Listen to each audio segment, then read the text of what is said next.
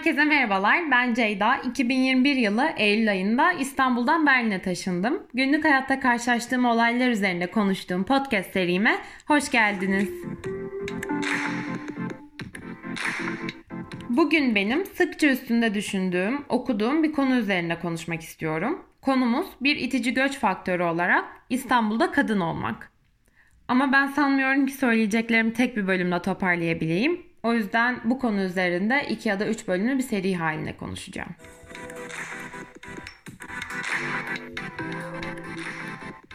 Geçen gün bir post gördüm. Son iki yılda 29 kadının yüksekten düşerek öldüğü kayıtlara geçti. Hepsinin arkasında bir erkek vardı diye.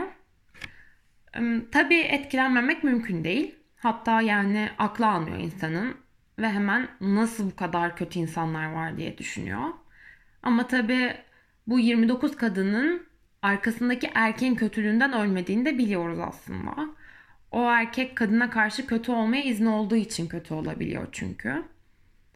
Demeye çalıştığım şey neden cinnet ya da sinir krizi geçiren kimse patronunu öldüremiyor da bir kadını öldürebiliyor. Bu bizim sinir ya da cinnet diye adlandırdığımız güya çok kişisel duygu durumları aslında toplumsal güç e, ilişkileri içerisinde yer alıyor ve sadece öldürmesi ya da şiddet göstermesi toplum tarafından normalize edilmiş kişilere etkiliyor. Yani var olan cinsiyet rejimi kadınların ve LGBT artı bireylerin dövülmesini, öldürülmesini resmen mübah kıldığı için o sinir krizi geçirenler mesela camdan kadınları atabiliyorlar. Yani çünkü aslında bir yerde bunlara izinleri var. Ataerkinin resmen tüm gücü beyaz, orta sınıf, cis heteroseksüel erkeğe verdiği bir düzende bir de bizim kültürümüzü düşünün. İşte ev içidir karışılmaz, karısıdır sever de, söver de, döver de, kızını dövmeyen dizini dövermiş. E bir de hükümet politikaları var. Devlet insanlarının söylemleri, yargı yaptırımları ya da var olmayan yargı yaptırımları. Bunların hepsi bu kültürü besliyor ve büyütüyor. Dolayısıyla bugün kadına şiddet resmen olan bir durum haline geldi. Öldürmenin cezası bile olmuyor ya da indirimli çoğu zaman iyi hal indirimi vesaire bunları hep haberlerden duyuyoruz. Hal böyle olunca da şiddet görmeyen ya da öldürülmeyen kadın kendini şanslı saymaya başlıyor. Ve sürekli korku içerisinde yaşıyor. Çok şükür başıma öyle kötü bir şey gelmedi tarzı cümleleri hepimiz çok etrafımızdaki kadınlardan duymuşuzdur ya da bazen kendimiz bile söylüyoruz.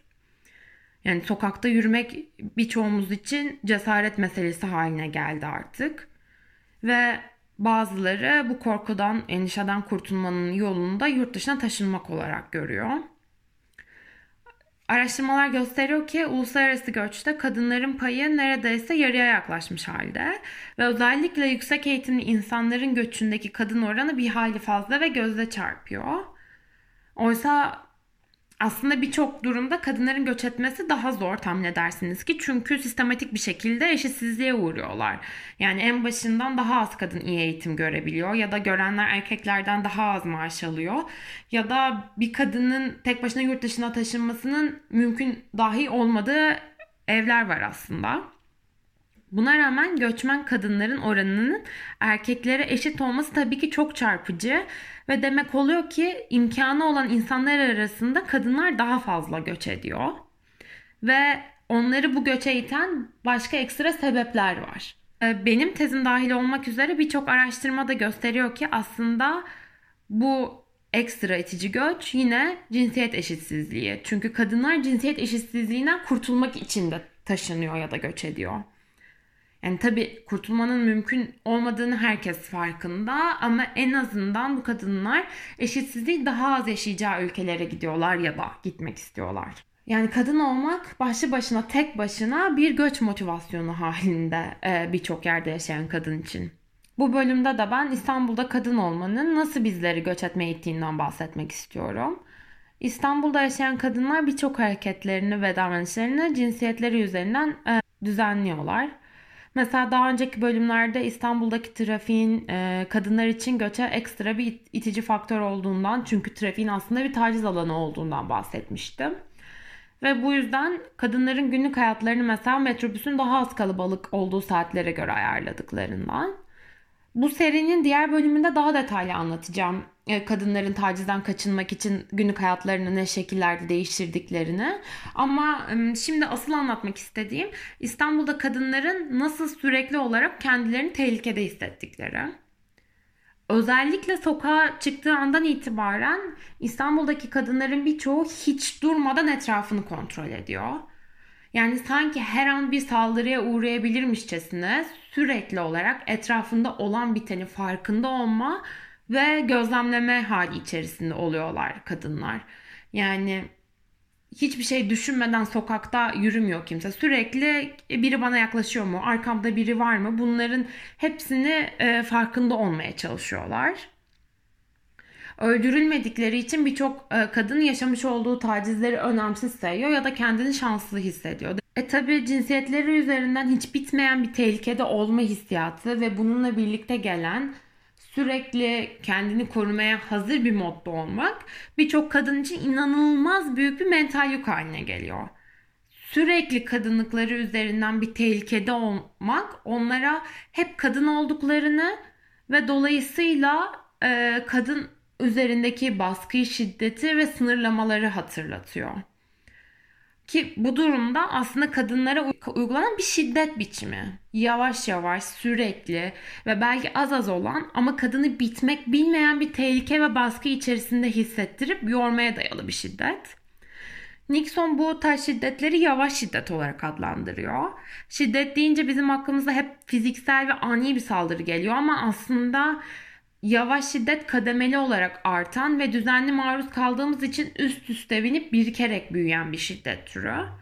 Kadınların maruz kaldığı şiddetlerin yanında bir de bu yavaş şiddet onları daima kadın olduklarını ve bu yüzden tehlikede olduklarını hatırlatma üzerinden ilerliyor. Benim e, tanıdığım birçok kadın İstanbul'da kadın oldukları için ekstra sahip oldukları bu mental yükten sıyrılmak için göç ettiğini ya da göç etmek istediğini söylüyor. Ya da direkt bu şekilde mental yük olarak adlandırmayan kadınlar bile e, neden göç ettiklerini anlatırken mutlaka İstanbul'da kadın olmanın nasıl bir şey olduğunu biliyorsunuz zaten diyerek konuya değiniyor. E, yani toparlayacak olursak Kısaca İstanbul'da kadın olmak kadınları İstanbul'dan uzaklaştırıyor. Bu arada farkındayım ki e, birçok queer insan benzer deneyimler yaşıyor ve bu yüzden göç ediyor. Ama ileriki bölümlerde bu konuyu ayrıca tartışmak istiyorum. O yüzden benim bu bölümde söylemek istediklerim şimdilik bu kadar. Dediğim gibi serinin diğer bölümlerinde kadınların hayatları cinsiyetlerine göre düzenleyiş biçimlerini biraz daha detaylı konuşacağım. Dinlediğiniz için teşekkür ederim. Takipte kalın.